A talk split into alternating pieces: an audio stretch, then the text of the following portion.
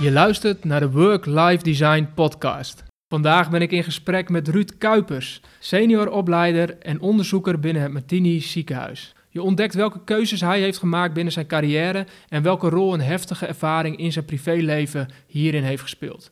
Maar je ontdekt ook welke rol hij heeft gespeeld in het tot stand brengen van het programma Ik leer en werk hier veilig.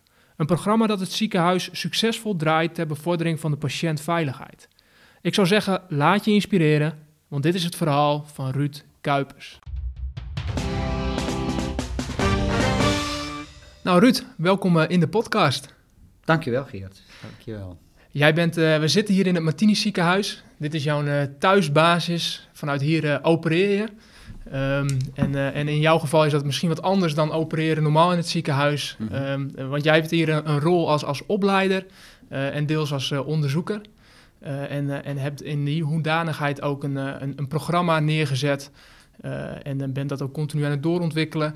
Nou, en daarover ga ik heel graag met jou in gesprek. Uh, en ik ontdek ook heel graag welke stappen jij hebt gezet in je eigen loopbaan en uh, hoe je tot dit punt bent gekomen.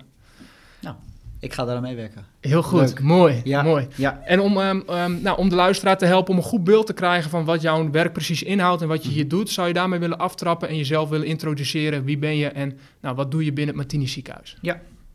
Uh, nou, bij het eenvoudigste beginnen, ik ben Ruud. ik heet Kuipers van Achter, ik ben 51 jaar.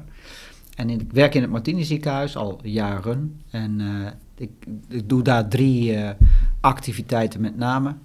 Uh, vanuit twee functies. Ik, ik, ben, ik heb als functie hier senior opleider te zijn binnen de Martini Academie. Dat is het leerhuis in het Martini ziekenhuis. En daar doe ik allerlei activiteiten voor, of vanuit zou je, is misschien beter om te zeggen. dat geldt ook voor het gedeelte onderzoek. Ik hou met name bezig met psychologisch wetenschappelijk onderzoek. En kijk dan vooral naar menselijk en intermenselijk gedrag, dus tussenmensengedrag in relatie tot uh, patiëntveiligheid. Dat is ook een linkje met het programma waar wij zo dadelijk over uh, te spreken komen. en mijn andere functie, dus ik ben een senior opleider en daarnaast ben ik ook de vicevoorzitter van de verpleegkundige staf in Martini. nou, en daar doe ik ook allerlei activiteiten voor of vanuit. En hoe ziet die verdeling eruit als je kijkt naar de, de workload voor een week? Ja, uh, op papier staat daar een verdeling voor. Uh, en er is ook een praktijk voor hoe het gaat. Uh, als het gaat om het onderwijsgedeelte en onderzoeksgedeelte, daar gaat de meeste tijd naartoe van mijn vijfdaagse werkweek.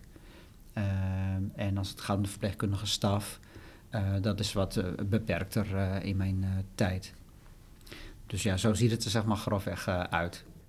Mooi, en je, je dat doe je binnen het Martini ziekenhuis. Hoe zou je dit kunnen beschrijven? Wat, wat is je indruk van, van, van deze organisatie?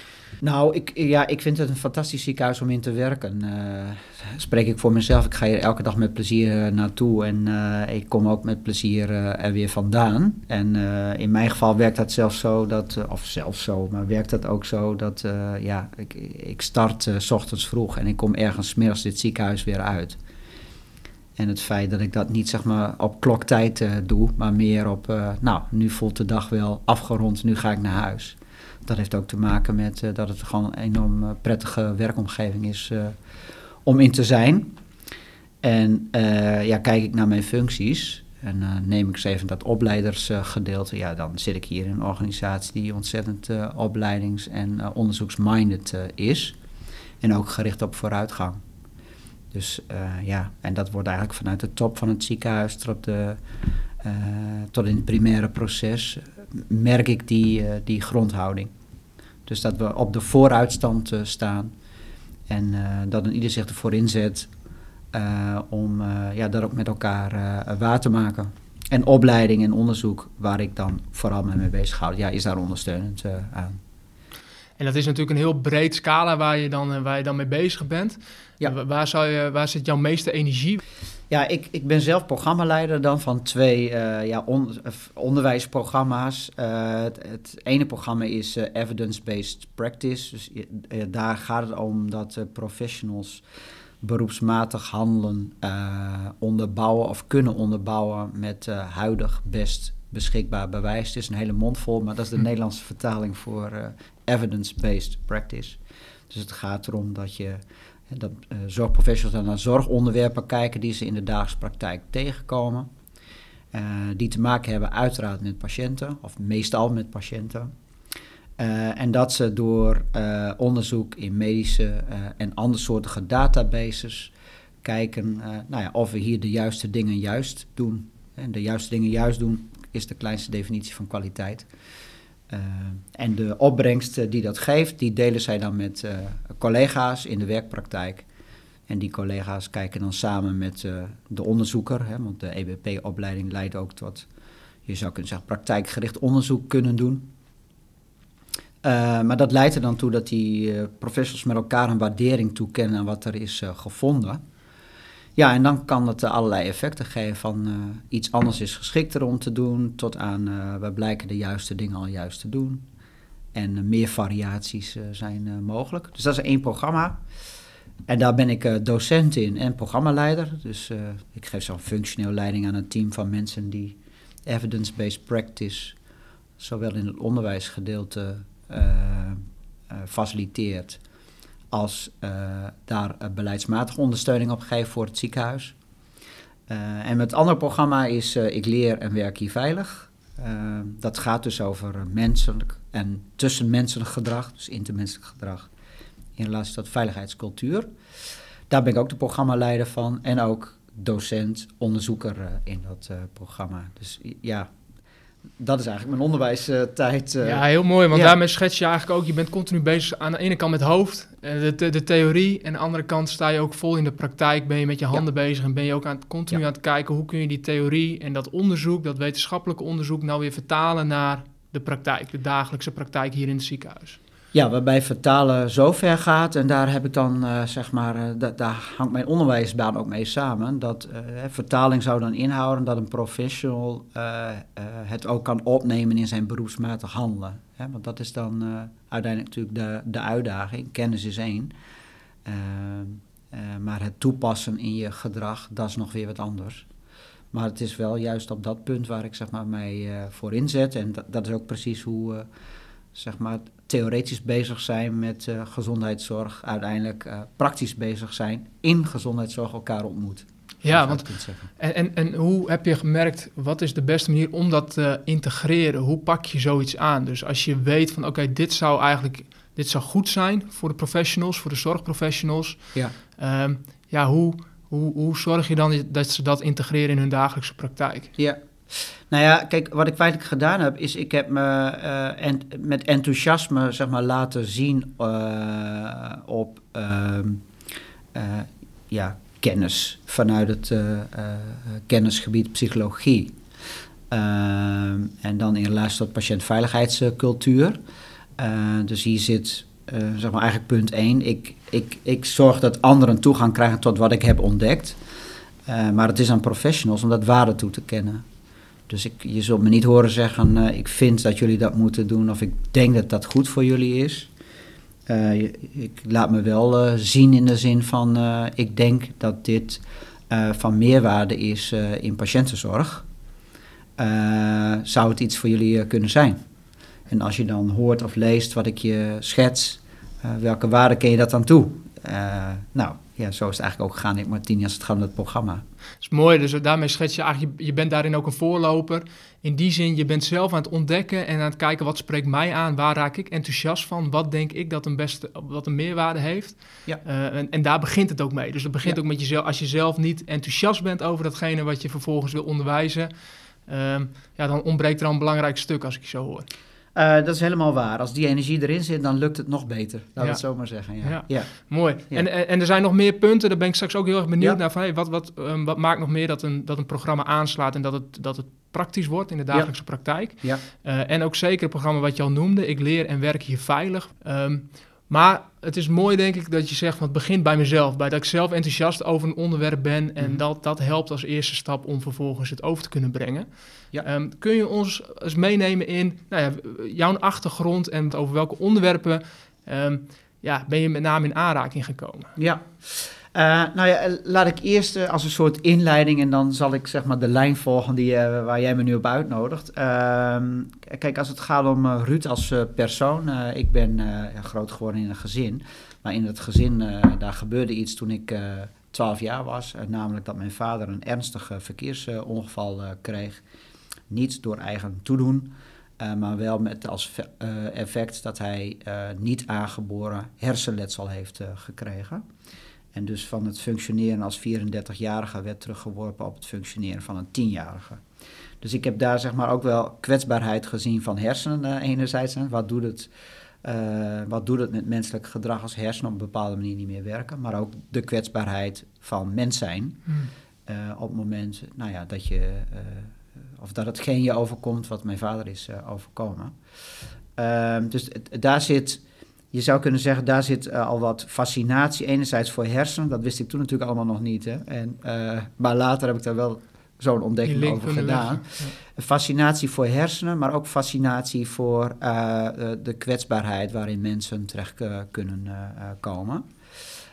als ook hoe professionals, hè, want ik ben zelf ook veel in ziekenhuizen geweest waar mijn vader bijvoorbeeld ver, verbleef. Ja, uiteindelijk van waarde kunnen zijn om die kwetsbaarheid bij die mens ja, te doen verminderen of zelfs soms te doen wegnemen. Kun je daar een voorbeeld van geven wat je in die tijd zag gebeuren? Nou ja, als we het even over dat persoonlijke gedeelte uh, hebben, uh, dan zag je. Uh, kijk, de verleiding is om ook als mensen kwetsbaar zijn, om ze heel veel goed bedoelde adviezen te geven. En ik herinner me één iemand, dat was maatschappelijk werker, dus het is best lang geleden in de tijden, mm. want ik ben ondertussen zelf 51 en ik was 12 toen dit gebeurde. Maar ik herinner mij een maatschappelijk werker die heel erg de belevingswereld zeg maar, van onszelf ook als uitgangspunt nam. Om dan met ons te ontdekken waar we zeg maar, een, een, verandering op wilden doormaken met elkaar als gezin. Nou, dat was bijvoorbeeld dat het mijn vader zou lukken om iets langer dan, dan twee of drie minuten met ons in gesprek te kunnen zijn. Dus dat, dan hield dat bijvoorbeeld in dat we meer deden naar woordenschatontwikkeling. Want door zijn hersenletsel was hij echt letterlijk alle woorden kwijt. Hij sprak de Nederlandse taal bijna niet meer. Nou, dat. Hè. Dus het gedrag was met name: ik neem de patiënt, dat was mijn vader dan, en het systeem. Die woorden bedacht ik me toen allemaal niet, hè, maar dat zijn de woorden van nu. Neem ik als uitgangspunt. En ik kijk waar hun eigen ja, motivaties liggen om, hmm. om als gezin weer vooruit te komen. Dus daar, daar zit iets met hersenen, daar zit iets met kwetsbare mens, daar zit ook iets als hoe professionals kwetsbaarheid van iemand die aan ze toevertrouwd is. Hè. nou ja, hoe, hoe, kun je daar zo um, verschil op maken dat kwetsbaarheid nou, minder gevoeld wordt of zelfs weggaat? Nou ja, en allerlei andere uitkomsten zijn natuurlijk ook mogelijk. Maar ja. En misschien mag zijn ook. En mag zijn ook, ja, vooral dat ook, uiteraard. Ja. Dus dat is het persoonlijke verhaal uh, geweest. Uh, nou, dan pak ik nu de lijn uh, van jou op. Dus ga je werken in de gezondheidszorg, een ziekenhuis. dus dat is ooit begonnen in Zwolle. En daar heb ik gewerkt in het Sophia ziekenhuis. Dat is ondertussen samen met de Wezenlanden gefuseerd tot het, de Isala klinieken. Ben hier toen ook in Groningen terechtgekomen. Toen heb ik jarenlang op de neurochirurgie gewerkt iets met hersenoperaties. Ja. Medium care neurochirurgie. Nou, dat, dat heeft In hoeverre was dat toen echt voor jou al wel een bewuste keuze? Of, of zeg maar een bewuste, bewust pad? Hè? Je, je, je, je, kijkt nu terug en kunt dat koppelen aan, aan, aan, aan je eigen ervaringen destijds. Kon je dat toen ook? Of, was het, of waren er andere invloeden die je eigenlijk op dit pad bracht? Nou, het was in ieder geval een onbewuste invloed. Dus dat, hè, die stelling durf ik wel aan. Of ik het nou zo duidelijk had van uh, dat, dat, dat, dat, kiezen voor de gezondheidszorg, werken in een ziekenhuis, dat, dat, dat was toen nog niet een soort van, uh, en ik, van nou, duidelijke keuze of missie. Dat was, het, was, het zat meer in van, uh, goh, laat ik dat eens gaan doen en dan ontdek ik hoe het is. Uh, terwijl ik wel denk dat zeg maar onbewust uh, er wel gedrevenheid uh, zat vanuit dat persoonlijke verhaal wat ik je net heel kort schetste. Ja. ja want in die, toen mijn vader dat ongeluk kreeg, je zult begrijpen dat daardoor heel veel andere effecten ook nog in zo'n gezin en mm. om zo'n gezin heen zijn ontstaan. nou ja, die me regelmatig ook in contact bracht met gezondheidszorg of professionals in de gezondheidszorg. Dus verpleegkunde, medium care, neurochirurgie. En toen dacht ik van ja, ik, en dan ga je ook eens nadenken over wat wil ik uh, mogelijk nog meer. Nou ja, dat, uh, dat meer, dat heeft zich omgezet eigenlijk in een leven lang leren tot op de dag van vandaag. want als ik het dan wat vlotter langs ga, toen dacht ik, ja, god, ik, ik zou wel heel graag iets in de overdrachtelijke zin willen. Hè? Dus dat wat ik zelf ken en kan, dat zou ik ook toegankelijk willen maken voor andere mensen. Waar ontstond dat uit, dat verlangen naar meer? Uh, ja, dat is een goede vraag. Uh, mm, nou, moeilijk om te beantwoorden. Hmm. Ik, ik heb het antwoord zo niet, laat ik het zo uh, zeggen. Behalve dan dat ik wel voelde van... Uh, ik doe allerlei kennis en ervaringen op... en dat, dat ik zou het willen delen met andere mensen. Ja... Ja, ik, weet niet zo goed. Dus, want nu zou ik ook van mezelf nu verwachten dat ik nu een uitleg kan geven waarom ik dat wilde. Maar dat, nou, ik, dat heb ik nu even niet zo duidelijk. Wel dat ik het ging doen. Dus ik heb mijn leraaropleiding uh, gedaan, leraaropleiding verpleegkunde gedaan. Dus ik heb ook onderwijs toen gegeven. Nou ja, daarna dan onderwijskunde gaan doen nog. Nou, ik was ook wel gefascineerd door het begeleiden van mensen en dan met name op gedragsontwikkeling. Nou, op het moment dat je dan in een organisatie werkt en je bent opleider, dan gaat dat al snel over uh, het ontwikkelen van gedrag, zodat je past in de functie die je doet, of passender wordt voor de functie die je doet. Dus dat leverde voor mij op dat ik de supervisorenopleiding uh, ben gaan doen. Nou, daar heb ik echt heel veel aan gehad. Want dat is een opleiding waarbij je ook, nou uiteindelijk is het uitgesproken, kun je je eigen supervisor ook zijn. Hè? En, en daar, nou, daar worden behoorlijk wat spiegels zeg maar, voor benut. Ja, je leert een hoop over anderen, maar je leert ook een hele hoop over jezelf, kan me voorstellen. Uh, nou, dat laatste is vooral waar. En mm. daarna dan kan je het ook met anderen, uh, zo maar zeggen. Dus dat is... Uh, dat wat is... iets wat je, als je nu terugdenkt, dat je denkt, oh, dat is een groot inzicht, of dat, dat, dat haal ik echt uit die periode en dat werkt ook nog steeds tot op de dag van vandaag door? Nou, ik, wat ik me heel goed herinner is, gezien mijn persoonlijk levensverhaal, had ik al wel snel in de gaten dat ik blij werd van anderen helpen. Uh, maar door die supervisorenopleidingen leerde ik ook dat iemand werkelijk helpen is hem leren zichzelf te helpen. Nou, dat is bijvoorbeeld iets, uh, voordat ik dat zeg maar doorzag uh, en ook in mijn supervisorengedrag in de gaten had, dat ik eerder mensen toch aan het helpen was in mijn supervisie, dan ze leren zichzelf te helpen. Nou, daar had ik zeg wel even voor nodig.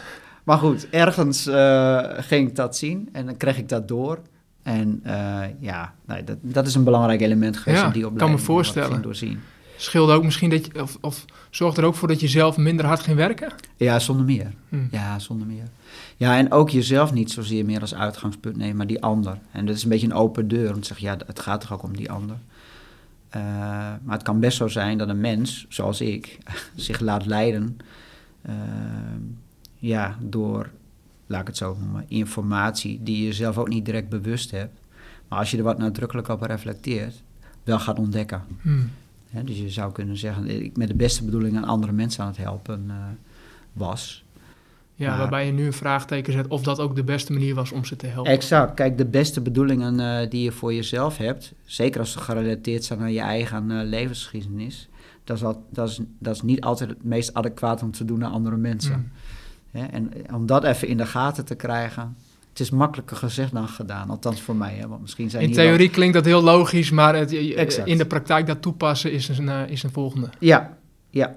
Dus ja, ik heb van reflectie ook wel mijn werk uh, gemaakt, zou ik zeggen. Gewoon mijn persoonlijk werk, want ik, ik kreeg wel in de gaten dat ja, als ik uh, mezelf wil ontwikkelen, dan is reflectie wel heel belangrijk om te kunnen inzetten. En niet alleen op het niveau van wat denk ik, wat voel ik, wat wil ik en wat ga ik doen maar ook op het niveau van uh, wat drijft mij in mijn denken, uh, wat, uh, waar komt dit gevoel uit voort. Um, en ik vind het eigenlijk ook een activiteit die een professional zich zou hebben eigen te maken, waar een professional zich in heeft te ontwikkelen. Ja, en waarom? Om uiteindelijk professioneel te handelen als je op je werk bent. En het gedeelte wat meer met je als persoon te maken heeft. Ehm, nou, ik wil niet zeggen buiten de deur te laten, want dat klinkt een beetje alsof je robotmensen aan het werk hebt. Maar um, wat ik er wel mee aan wil geven is dat als je uh, vanuit je persoonlijke uh, levensgeschiedenis in je werk actief bent en daar dingen doet die wel heel erg helpen op het omgaan met die persoonlijke levensgeschiedenis, dan begrijp ik dat. Maar dat is lang altijd niet uh, professioneel handelen. Ehm, ja, en hoe krijg je dat in de gaten, zeg maar? Hè? Ja, dat is wel, het klinkt echt een paradox dat je aan het, voor je beleving aan het helpen bent, maar eigenlijk ben je meer jezelf aan het helpen dan dat je degene die hulp nodig heeft aan het helpen bent. Maar hoe herken je dat en waar herken je dat aan? En en vervolgens, wat doe je daar ook mee? Ja, nou, ik denk dat dat is een mooie terugkoppeling. En ik eh, durf te zeggen dat ik uh, dat ook ergens in mijn uh, ontwikkeling ook zo heb ontmoet, gezien, onder ogen heb gezien. Hmm. Dus ik, nee, dat zat in de supervisorenopleiding. Nou, dan ben ik coaching daarnaast gaan doen en, en allerlei andere trainingen, cursussen. ik ben ook wel heel erg gefascineerd door gezondheidszorgwetgeving. Dus dat heb ik nog gedaan, leergaan aan de universiteit. Jij zei net um, reflectie, daar heb je heel veel aan gehad. En uh, vervolgens zei je ook, eigenlijk vind ik dat elke professional uh, reflectie moet kunnen toepassen. Omdat het ook helpt aan het ontdekken van je eigen waarden. De waarden die je drijven in datgene, het vak wat je beoefent. Uh, en een logische vervolgvraag is dan, ja, hoe zit dat voor jou? Welke waarden heb jij door middel van reflectie bij jezelf kunnen ontdekken en die jou drijven in datgene wat je nu doet? Ja, ik denk, kijk, het woord helpen, uh, daar kom ik niet onderuit, zeg maar. Dat zit er wel in. Ik heb alleen geleerd ergens onderweg om, als je iemand werkelijk wilt helpen, dan moet je hem leren zichzelf te helpen. En ondertussen geef ik daar de mooie woorden aan dat ik denk of veronderstel dat ik iemand ben die verschil kan maken ehm, richting professionals. Als het gaat om ze in professioneel handelen te ondersteunen. En dat verschil maken zit er dan daarin dat ik in staat ben om theorie of wetenschappelijke inzichten op een werkplek zelf um, nou ja, kan helpen omzetten naar professioneel gedrag. En dan zit daar wel even de aanname in dat de professional daar zelf ook een motivatie toe heeft. Of dat hij ergens is toegerust om die motivatie te ontwikkelen. Ja, dus het is niet van ik vind wat en jij doet. Het is nadrukkelijk in die afstemming. Dus ja, Um, dat is een van de waarden, zeg maar. Dus het is eigenlijk een vorm van helpen, maar wel in de vorm van ja, iemand werkelijk helpen is hem leren zichzelf te helpen. Ja. En uh, ik, doe zelf ook, uh, ik zit op dit moment ook in een onderzoek. En in dat onderzoek uh, ben ik ook terechtgekomen het woord lecture practitioner. Nou, dat is eigenlijk iemand die in de praktijk staat om anderen te stimuleren en te begeleiden in professioneel handelen.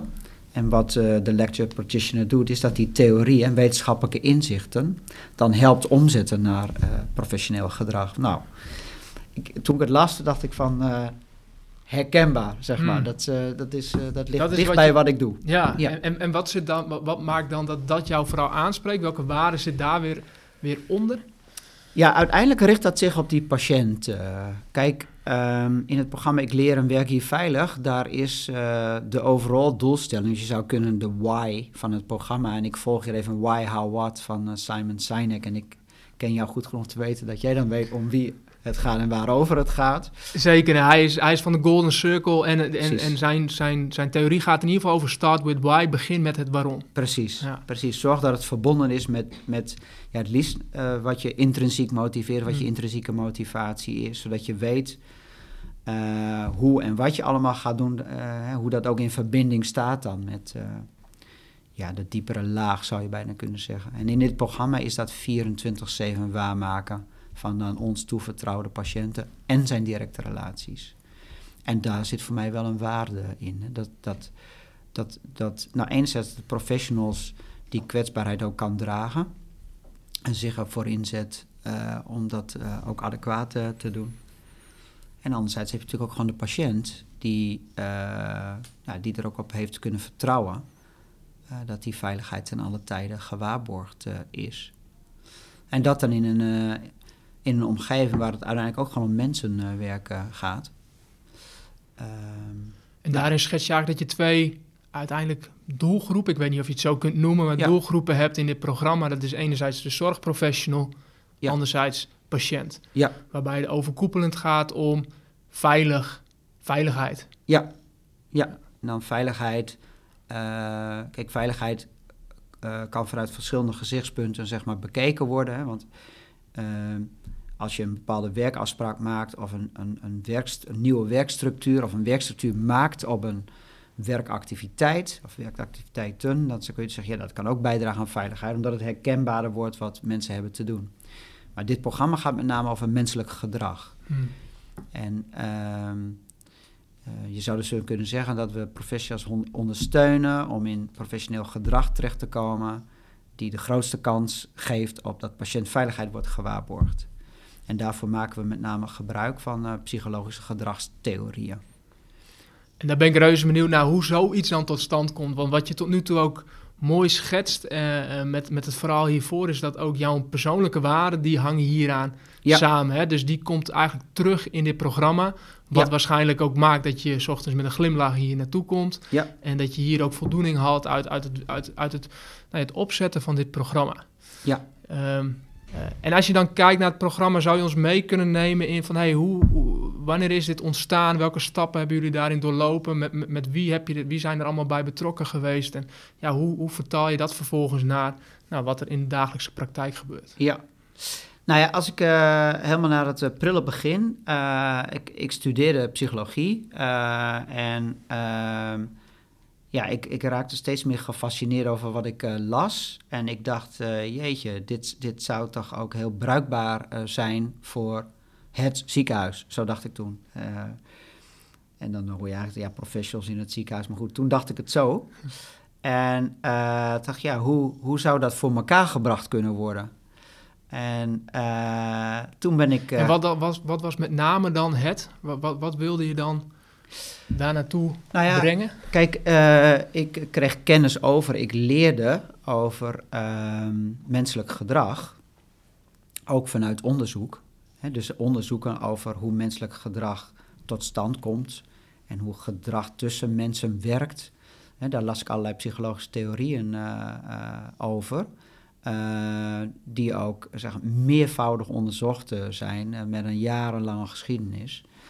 Uh, en die ook behoorlijk wat zeggingskracht hadden als het gaat om nou ja, wat je redelijkerwijs mag aannemen over. Hè, je, ook een onderzoeker blijft voorzichtig over hoe menselijk gedrag en gedrag tussen mensen werkt. En Kun je een voorbeeld noemen van eentje waarvan je dacht van... ja, dit is toch wel... Kijk, hier zou toch echt iets mee moeten. Nou ja, kijk, in dit programma, dat is een linkje ook, is dat uh, met name de mindset-theorie uh, geworden. En een andere theorie is de zelfdeterminantie-theorie. Dat zijn twee hele grote theorieën waar we zeg maar, in, in het programma ook uh, training op ontwikkeld hebben. Wat dan feitelijk gaat om dat die theorie, zeg maar, wordt omgezet naar een praktische vertaling. En die praktische vertaling uiteindelijk uh, uh, wordt omgezet naar, uh, wordt toegepast in handelen. Hmm. Dat, um, dus de mindset-theorie is daar eentje van. Nou, ook jij kent haar, Carol ja, Dweck. Carol Dweck. En dan heb je de zelfdeterminantie-theorie van Ryan en Daisy, om maar even. er zijn meer mensen, onderzoekers die daar echt nou, baanbrekend onderzoek in gedaan hebben met hele mooie uitkomsten. Uh, als het gaat om uitkomsten die ze verspreid hebben en die ontsloten zijn naar onze praktijkmensen om iets mee te kunnen uh, gaan doen. Ik herinner mij bijvoorbeeld, of ik weet bijvoorbeeld ook een Maarten van Steenkisten, die zit aan de Universiteit van Gent als ik het wil uh, hebben. En die doet daar ook hele mooie dingen in. Maar als je die theorieën zeg maar wat meer van de binnenkant leert kennen, ehm, en als ik dan de zelfdeterminantietheorie nu als eerste even neem, eh, daar staat ook in, eh, die gaat feitelijk over het psychologisch welbevinden van mensen. En uh, in die theorie wordt dat toegespitst op drie aspecten uh, die universeel zijn voor mensen als het gaat om nou ja, waar ze zich prettig door ervaren. Het is nog heel veel meer dan dat, maar ik maak het even klein. En dat is dan uh, dat je uh, is de behoeftebevrediging aan autonomie, de behoeftebevrediging aan competentie en de behoeftebevrediging aan sociale verbondenheid. En dan is uh, de grote uitdaging van als je weet dat dat is wat mensen prettig doet voelen, hè, dus gevoel van welbevinden maakt. Wat betekent dat dan voor mijn gedrag om dat bij jou tot stand te brengen? Hmm. dus, en daarvoor heb je de theorie te kennen. En wil je het kunnen toepassen, dan heb je reflectie nodig. Namelijk, welk voor gedrag doe ik nu dan? En als ik kijk naar die theorie, hoe verhoudt mijn gedrag nu zich tot die theorie? En welke, um, welke andere aanpakken heb ik dan nodig, nog nodig, om ja, adequater te worden in mijn professioneel handelen. Mhm. Dus zelfdeterminantietheorie is er één. Nou, en de mindset-theorie, ja, daar ben ik helemaal verliefd op. Want dat vind ik echt, ja, dat is magic hoe dat werkt. Hè. Vertel, voor degenen die dat niet kennen, die daar nog geen, uh, geen beeld bij hebben. Ja, nou ja, kijk, de mindset-theorie gaat over... Ehm, het, het is aangeleerd, hè, laten we het eerst even zo. Het is dus niet in de genen, tenminste voor zover ik het weet. Het is niet genetisch bepaald, maar het is aangeleerd. En het is, het is een soort cognitief raamwerk, dus het zit in je hersenen. Het is in je hersenen geprogrammeerd. En uh, voor een groot gedeelte ook, uh, of meeste tijd nog niet bewust aan jezelf. Je kunt het jezelf wel bewust worden, maar meestal nog niet bewust aan jezelf. En het stuurt heel erg op het gedrag wat je inzet voor leren, ontwikkelen en veranderen. En ik kort dat leren, ontwikkelen en veranderen ook wel eens op tot love. Hm. Dan heb je het woord liefde en dat is meestal positief geassocieerd voor hm. mensen. Dus ik hoop hier al een beetje voordeel te doen met van dat je dit onderwerp aantrekkelijk uh, vindt. Uh, en dan kan het zijn, uh, je hebt twee uitersten daarin, die zich zelden in, in die uitleg zo voordoen, maar het gaat even om het idee. Je hebt mensen die hebben lage verwachtingen over hun ontwikkelbaarheid en je hebt mensen die hebben hoge verwachtingen over hun ontwikkelbaarheid. En dan heb je ook nog een soort tussenvorm. Ja, het, is, het is wat van het ene en het is wat van het ander. Het ene uiterste, dus die lage verwachting over ontwikkelbaarheid, noem je een fixed mindset. En die hoge verwachting over ontwikkelbaarheid noem je groeimindset. En het, uh, het indrukwekkende aan dit verhaal, uh, althans vind ik, is dat behalve dat jij een, uh, een, een, mindset voor jezelf hebt, dus die houd je er voor jezelf op na, die heb je ook over degene die je begeleidt. en dat zit hem niet alleen in de leraar naar de leerling, maar dat zit hem ook in een collega met wie je samenwerkt en die een vraag aan jou stelt tijdens het werk. Dus ehm, kan zijn dat de ene collega die een vraag stelt, dat je die zeg maar eh, al anders te woord staat in antwoord geven dan de andere collega.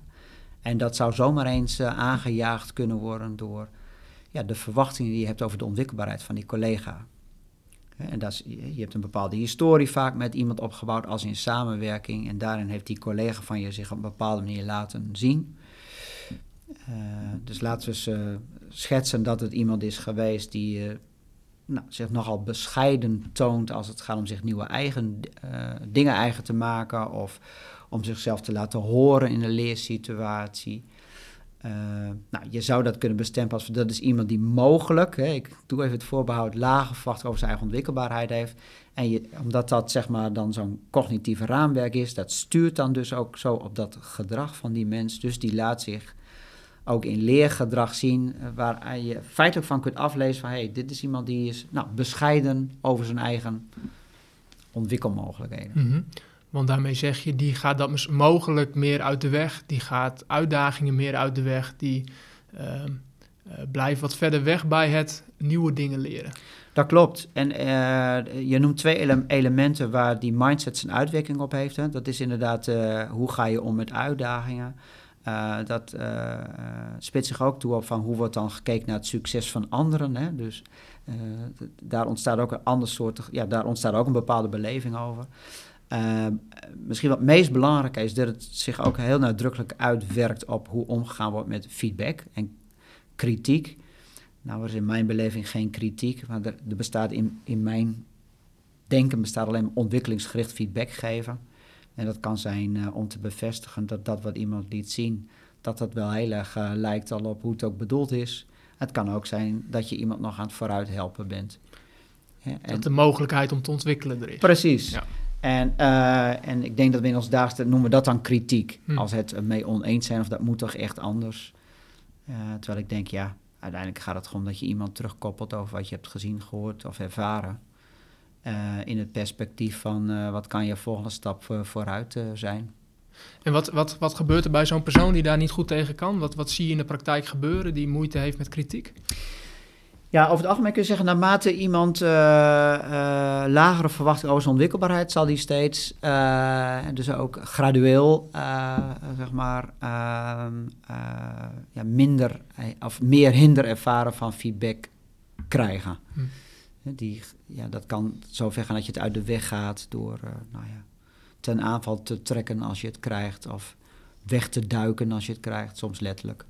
Of het maar over je heen eh, te laten komen. Uh, maar dan is het doel over je heen te laten komen, zodat je zo snel mogelijk ervan verlost bent. En wordt er niet meer geluisterd naar de inhoud. Dus dat zijn allemaal soort uitkomsten waarvan je zegt, nou ja, zijn geschiktere dingen om te doen. Maar um, je kunt daarin terechtkomen vanwege de mindset die in jezelf aanstaat.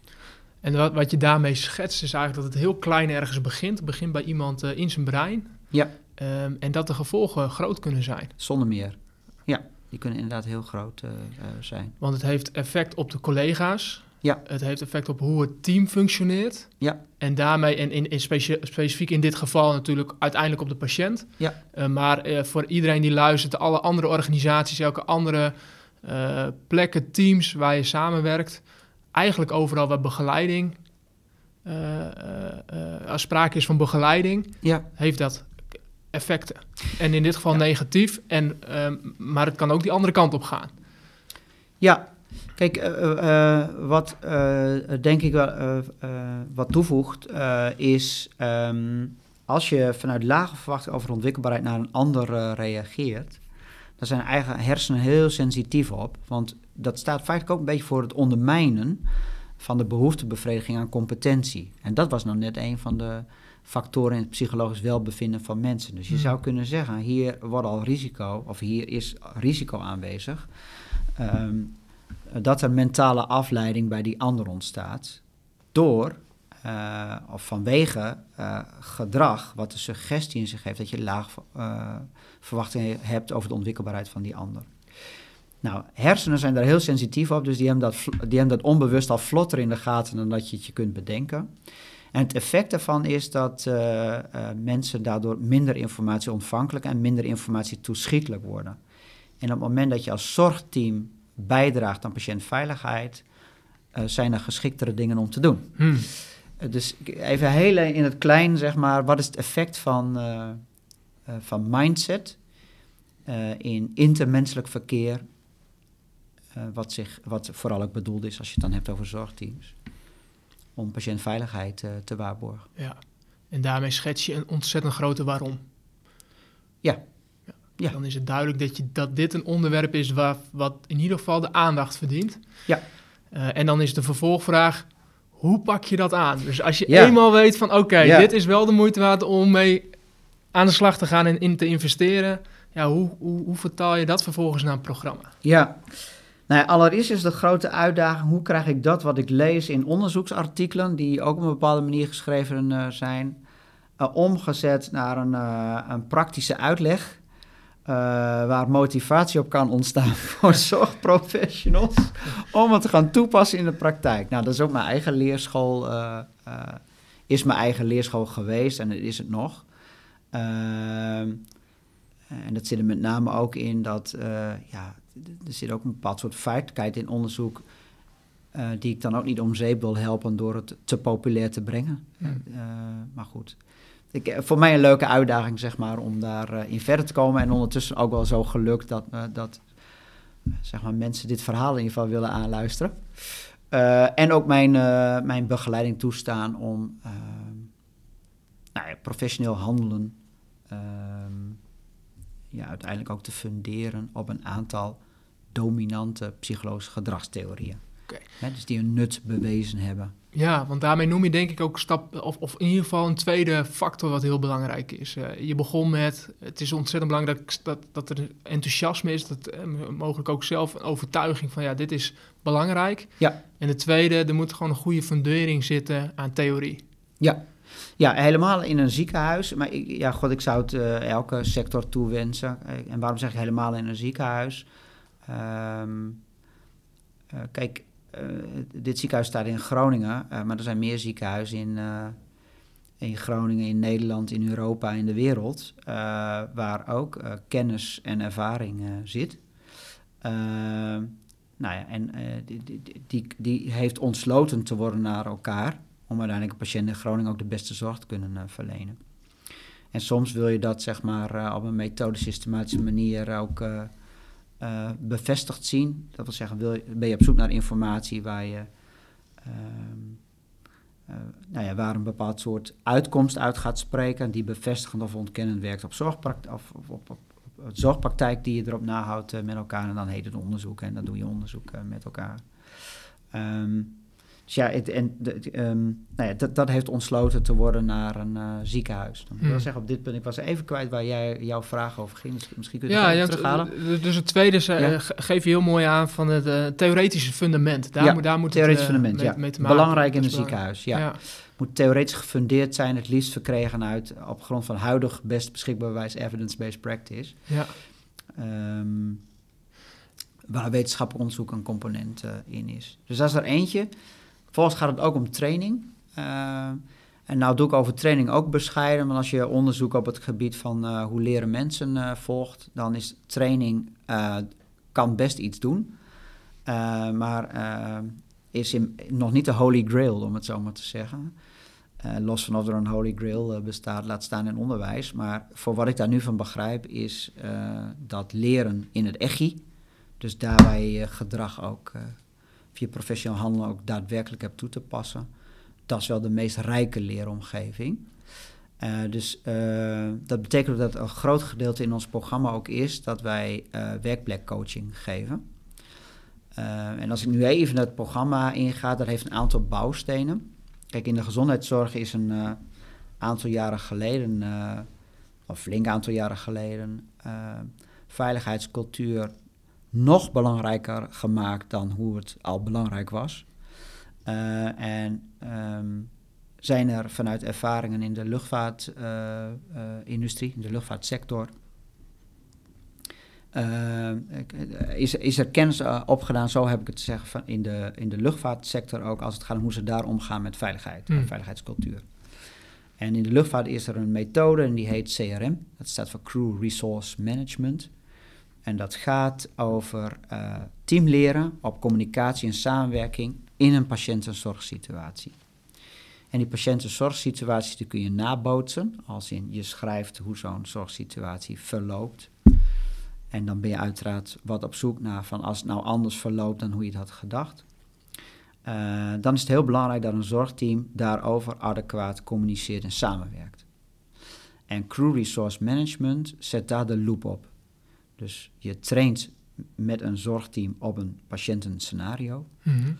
En uh, als die training klaar is, dat wil zeggen dat zorgteam heeft iets gedaan in het patiëntenzorgscenario of in het patiëntenscenario, dan kijk je daar uh, op terug. En dan kijk je dus terug op twee aspecten, namelijk hoe was de communicatie, hoe was de samenwerking. Um, en daarvoor zijn er dan 15 spiegels, dat heten dan de CRM-principes. Uh, dus CRM is een leermethode en het heeft 15 spiegels, heet dan CRM-principes.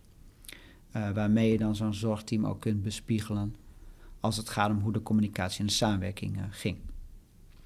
Dus je, hier train je dus veel meer op de soft skills of de non-technical skills en niet zozeer op de technical skills als hoe gaf je die injectie of uh, verliep de reanimatie technisch gezien wel oké.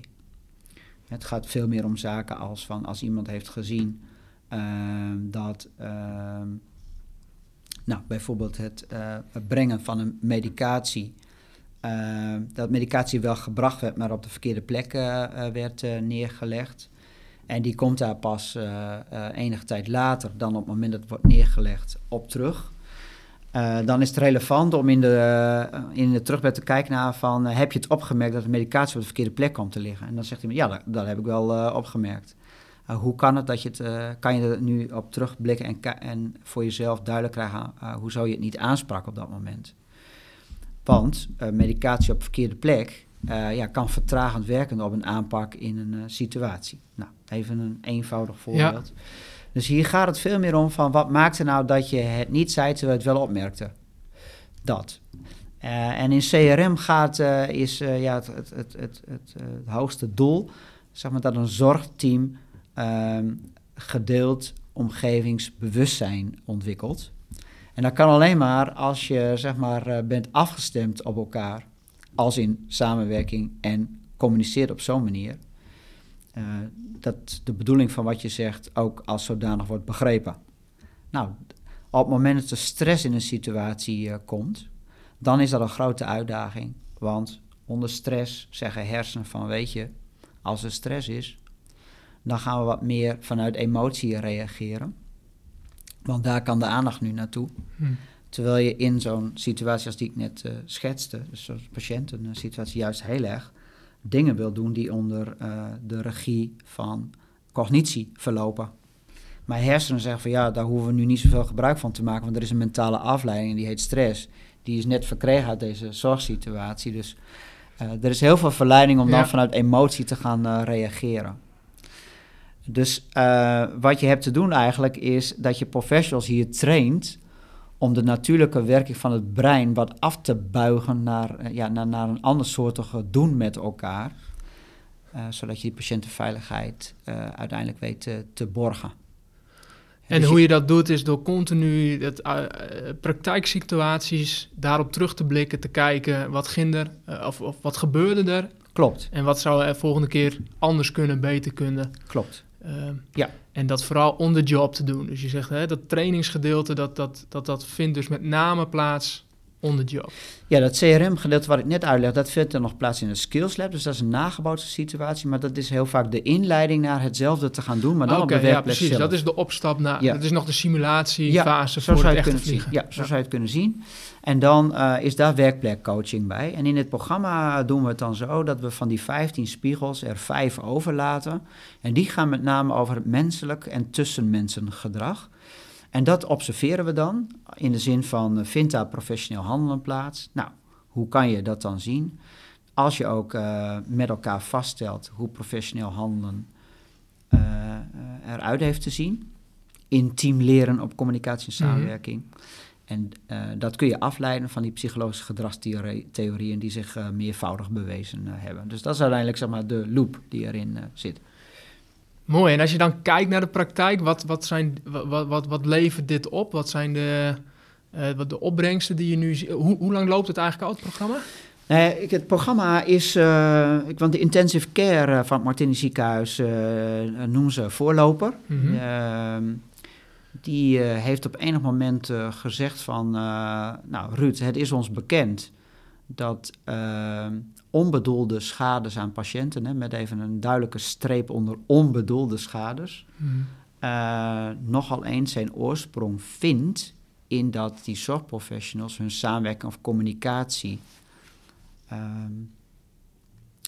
uh, nog niet zo loopt als dat je het zou willen zien.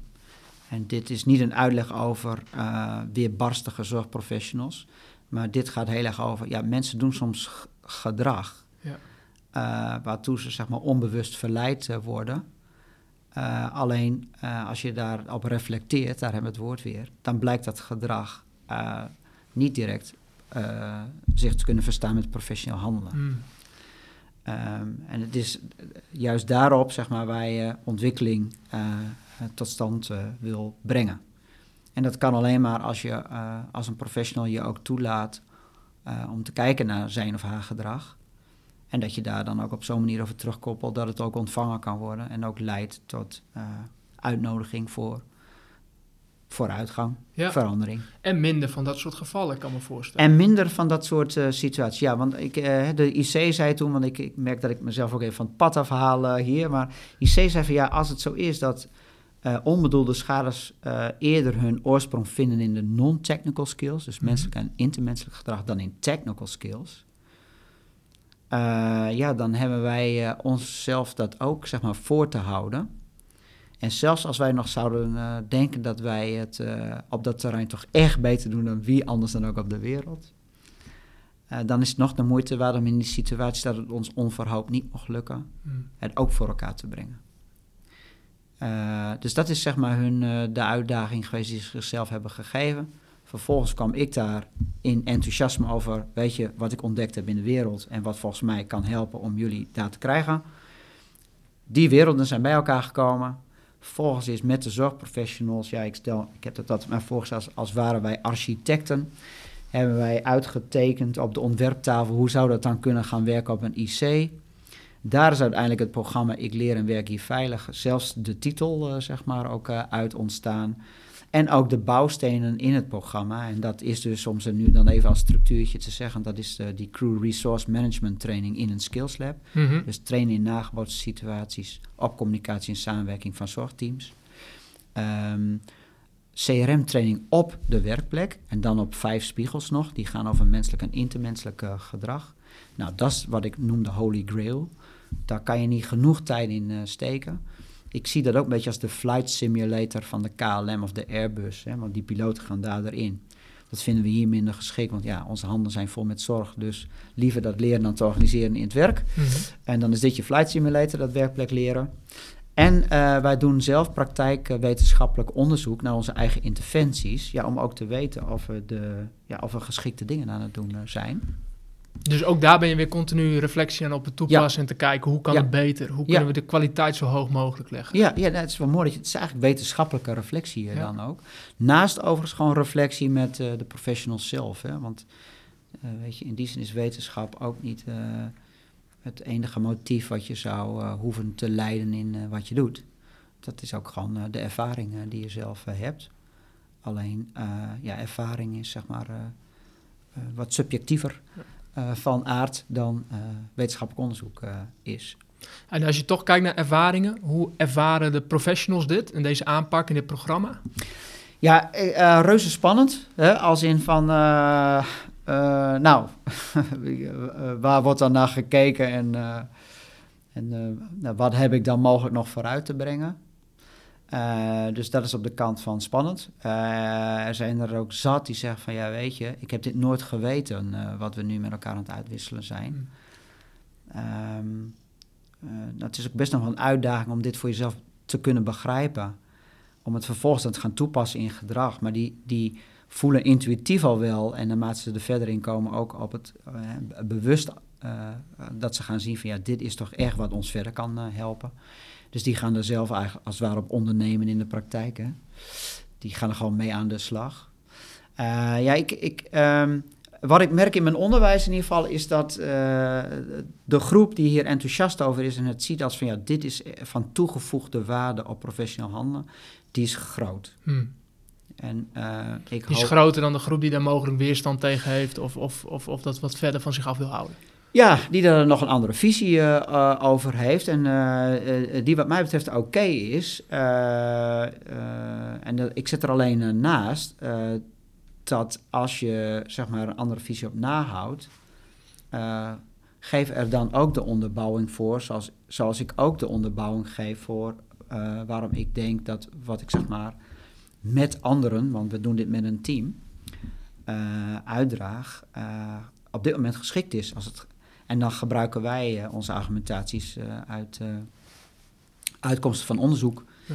en, niet, en niet zomaar onderzoek en ook niet zomaar psychologische gedragstheorieën. Dan neemt niet weg dat ja, als, een ander, als, een- als iemand een onderbouwing heeft voor waarom het ook anders gezien kan worden dan hoe wij het zeg maar naar voren brengen, ja, voel je van harte uitgenodigd om dat te zeggen. Het is Eh, ook een stuk practice what you teach in dat geval. Ja, van, je meer. bent ook zelf continu Ja. door aan het leren. Ja, ja, zeker. Ja, zeker. Ja, zeker. Eh, voorlopig denken we wel dat we de juiste koers hier aan het bewandelen eh, zijn. En die koers, hoe ziet die eruit? Wat, wat, wat, wat zal de toekomst brengen voor dit programma? Welke uitdagingen zie je of welke kansen zie je met name met dit programma? Nou ja, kijk, het CRM-gedeelte in eh, die nagebootste situaties dus in Skills Lab en dat werkplek leren, nou, dat, eh, weet je, dat, dat is echt een aantal jaren met elkaar eh, is dat eh, te doen. Wat IC bijvoorbeeld ook doet, die heeft een eigen groep eh, veiligheidscultuur. En eh, die groep, die, eh, eh, eh, die eh, eh, stelt ook vast welke werksituaties eh, bestempeld gaan worden als werkleersituatie eh, voor de doelen van eh, het veiligheidsprogramma. Dus ik leer en werk hier veilig. Dus dat communiceren zij dan ook met de collega professionals. Nou, dan gaat het ofwel is dat skills lab in, dan worden in een nagebootste situatie getraind, of direct op de werkplek eh, kan, kan ook. En het, het fijne hieraan is dat de professionals dit zeg maar ook aan elkaar voorstellen en met elkaar gaan vormgeven. En ik daar ondersteunend aan ben en niet te bepalen, want zo zou het in mijn beleving niet horen te zijn. Want wie beter dan die zorgprofessionals ja, kunnen zich, zichzelf zeg maar ideeën geven voor hoe de praktijk vooruitgebracht kan worden. en ik kan daarin meedenken. Ik vind alleen, en ja, dat is visie, zou je kunnen zeggen, een zorgprofessional er zelf over gaat, hoe die het tot stand heeft te brengen. En als het gaat op deze manier, kijk, dan gaat mijn onderwijshart ook alweer een beetje sneller van kloppen. Ja, dan begin je ook wel te gedragen als een professionele leergemeenschap. Hè. Hmm. Die stelt voor zichzelf leerwerkdoelen vast, creëert zijn eigen uh, werk-leersituaties, maakt afspraken over hoe daarover gereflecteerd uh, wordt. Ja, in het perspectief van die leerwerkdoelen. Ja, en zou dat dan ook uiteindelijk betekenen dat het uh, andere afdelingen hiermee aan de slag gaat en dat het ziekenhuisbreed ingezet gaat worden? Ja, dat is zeker het idee. Um, en zo is het eigenlijk wel. Er zijn al andere afdelingen die hier ook al mee gestart zijn. Um, ik, noemde, ik zat net even in die componenten. Je hebt CRM in het Skills Lab, CRM op de werkplek, op die vijf spiegels menselijk gedrag, intermenselijk gedrag. En dan hebben we dat wetenschappelijk onderzoek. En wat betreft dat laatste, het is uh, zeer voorstelbaar uh, dat dat wetenschappelijk onderzoek ook uiteindelijk wordt gekoppeld aan een onderzoekslijn. Die dus te maken heeft met uh, menselijk en intermenselijk gedrag voor veiligheid. Voor het, um, en dat je van die, van die onderzoekslijn een onderwijslijn gaat afleiden. Dus even heel praktisch. Eh, eh, in praktijk gebeurt straks praktijkgericht eh, onderzoek. Dat levert een uitkomst op. En ook dan kan zo'n afdeling zelf gaan nadenken over hoe waarderen we deze uitkomst. en gaat er nog zeggingskracht, gaan er nog aanwijzingen van uit voor ons eigen doen. En hebben wij dan ook iets te doen met elkaar? Ook hier weer professioneel leergemeenschap gedrag. Ja, continu die cirkel rondmaken. Ja, continu die cirkel rondmaken. Ja. En ik, mijn eigen inschatting is dat uh, ja, hier, hier heb je echt jarenlang werk van te maken, omdat we het ook hebben over uh, uh, ontwikkeling van gedrag. En ook nog eens keer ontwikkeling van gedrag ehm, ja, die soms wat ingaat tegen de veiligheidsmechanismen die in onze hersenen geprogrammeerd mhm. zijn. En dan komt het weer bij dat mindset ja, terug. Ja, ja, mindset en de zelfdeterminantietheorie. En er zijn nog wel een paar, maar dit zijn in ieder geval twee grote twee grote referenties waar je gedrag op zou kunnen baseren. En dan is er een grote kans dat die ander het uh, prettig met je vindt in de samenwerking. En uh, ja, dat, dat geeft dan ook weer gunstige, of dat heeft ook gunstige effecten op de manier waarop uh, met elkaar wordt gecommuniceerd. Dus ja. Kortom, jij bent ook nog niet klaar hier en er is nog genoeg werk te verrichten. Uh, Alleen al als het gaat om dit programma verder ontwikkelen. Ja, ik blijf me daar hartstochtelijk voor inzetten met, met heel veel uh, anderen, uh, waaronder ook één intensivist. Marijn Boer is ook, nou, ook zo'n gedreven iemand. Els de Vrede, ook van de intensive, van de intensive care, is een psycholoog. Ook iemand die, nou ja, weet je, daar gaat mijn hart ook sneller van kloppen als ik haar hoor en aan het werk zie. En dan hebben we ook nog twee CRM-trainers van het eerste uur, uh, Jan Hammeringa en Annette Koorn, die ook uh, minstens zo gedreven hiermee bezig zijn. En dat heeft op mij ook uh, als effect dat ik me nog meer aangemoedigd voel dan wat ik uit mezelf al weet te halen. dus dat doet er zeker ook toe. En ik merk dat in het ziekenhuis ook de energie om hier wat mee, om op hier te gaan, op, op te gaan ondernemen ook steeds groter wordt. Ja, en dan, ja, dan wordt het werk leuk, hè? Nog leuker. Nog leuker. en het is mooi dat je benoemt, ook mooi dat je het team benoemt. Want uh, dat, dat, benadrukt je ook van Geert, we kunnen hierover in gesprek gaan. Ik kan hier veel over vertellen. Maar, maar besef wel dat dit, dit doe je niet alleen. Dit doe ik ook niet alleen. Dit, doe, dit doe je met elkaar. Ja. Um, uh, en, en zo creëer je ook uh, ja. programma's. Ja, ik zou om, en dan ben ik nog steeds niet volledig, maar ik vind het zeker ook van, van waarde om te zeggen dat we hier ook ondersteuning vanuit de Rijksuniversiteit op hebben. Dus daar zit ook Jasperina Brouwer. Uh, doet ook mee uh, in die onderzoekscommunity op uh, veiligheidsgedrag. Dus ook daar hebben we een link liggen. Dus ja, we zijn aan het bouwen. De, bouwstenen die ik nu noem, die zitten al in het programma en er zijn er nog een aantal te volgen. Nou ja. En volgens mij kunnen we daar nog eindeloos over doorpraten. Want, want zit ook in dit programma. Ja, er, zit, er zit zoveel in in dit programma. Um, is er nu op dit moment nog iets waarvan je zegt: hey, dit is heel essentieel, dit, is, dit, dit moet ik nog wel even benoemd hebben? Of hebben we voor nu het, het verhaal te pakken, in ieder geval in grote lijnen? Ja, ik denk dat we het verhaal te pakken hebben, grote lijnen. En uh, ja, ik, ik kom anders gewoon uit in uh, um, uh, mijn plezier en tegelijkertijd ook wel bewondering voor praktijken die dit durven aan te pakken. Want ja, je kunt nog zo gedreven zijn, zeg maar, voor patiëntveiligheid. Maar op het moment dat er dan ook afgesproken, goh, laten we dan eens kijken naar jouw gedrag en hoe het jou al lukt. Dat is natuurlijk reuze spannend. Dus dat je dat toch durft te doen met elkaar. Dat, hoezeer je het ook verwacht van een ziekenhuis. Maar ik vind dat, ja, ik vind, ik vind dat, ik vind dat ook wel lef hebben, zeg maar. Hè? Dat, dus dat is vrij om te zien. Uh, en tegelijkertijd, ik vind het ook vrij dat het ziekenhuis, en dan met name de Martini Academie waar ik werkzaam ben, ook de ruimte geeft om te ondernemen op dit programma. En, en in een groot verband het ziekenhuis het ondernemen om zo tot verbeterde patiëntenzorguitkomsten te komen. Ook heel erg aanmoedigt. Dus ja, ehm, wat mij betreft wel, zeg maar, op al die lijnlagen en die, die suborganisaties in zo'n ziekenhuis vind ik wel dat daar zeg maar ook een positieve vibe is uh, die ook weer steunt aan dit programma. En dat, uh, ja, dat is een prettige werkomgeving ook. Kan niet anders zeggen. Mooi. Waarmee je aangeeft dat de context net zo belangrijk is als datgene wat je wil gaan creëren in die context. Helemaal mee. De omgeving ook een belangrijke factor is. Ja, zonder meer. Ja, zonder die omgeving uh, geen programma, zonder het programma geen enthousiaste Ruud. Ja. en dat is mooi. En, en daarmee um, uh, wil ik hem ook graag rondmaken. En we begonnen met jou, met jouw verhaal ook. Um, uh, en, en ik eindig ook graag met, met jou. Um, door, nou, ik, ik, als je kijkt naar wat je gedaan hebt, het is de Work-Life Design podcast. Hè? Het gaat over hoe creëer je eigen werkende leven. en werkende tussen aanhalingstekens. Mm -hmm. Een werk onderdeel van je leven is. Uh, heb je ontzettend veel stappen gemaakt. Mm -hmm. En um, stel nou dat je een professional op waar dan ook bent. Mm -hmm. um, wat zou je diegene nog graag mee willen geven vanuit je eigen ervaringen? Dus het hoeft niet wetenschappelijk onderbouwd te zijn, maar het mag vanuit je eigen ervaringen zijn. Ja. Van je zegt van nou, weet je, als, je, als, je, als het gaat om je eigen werk- en levensambities, um, hou dan in ieder geval hier rekening mee en, en, en zorg dat je dit in ieder geval doet. Ja. Nou, ik, zou, ik heb zelf, dus dit is uh, prachtig uh, gekopieerd en als je het wat zegt, gejat. Maar ik heb ooit ergens uh, gelezen, ja, leven is het meervoud van lef. ik ben zelf ook gegroeid in mijn lef. En het is fantastisch als je je lef aan jezelf durft toe te staan. en het helpt geweldig als je in een omgeving bent waar zeg maar, die lef ook wordt aangemoedigd. Dus ik, ja, dat zou ik op zijn kortst zeg maar, vinden of willen meegeven. En lijkt me een fantastisch einde. Dank voor het interview, Ruud. Graag gedaan. Dankjewel ook voor de uitnodiging dat ik dit met jou heb mogen doen.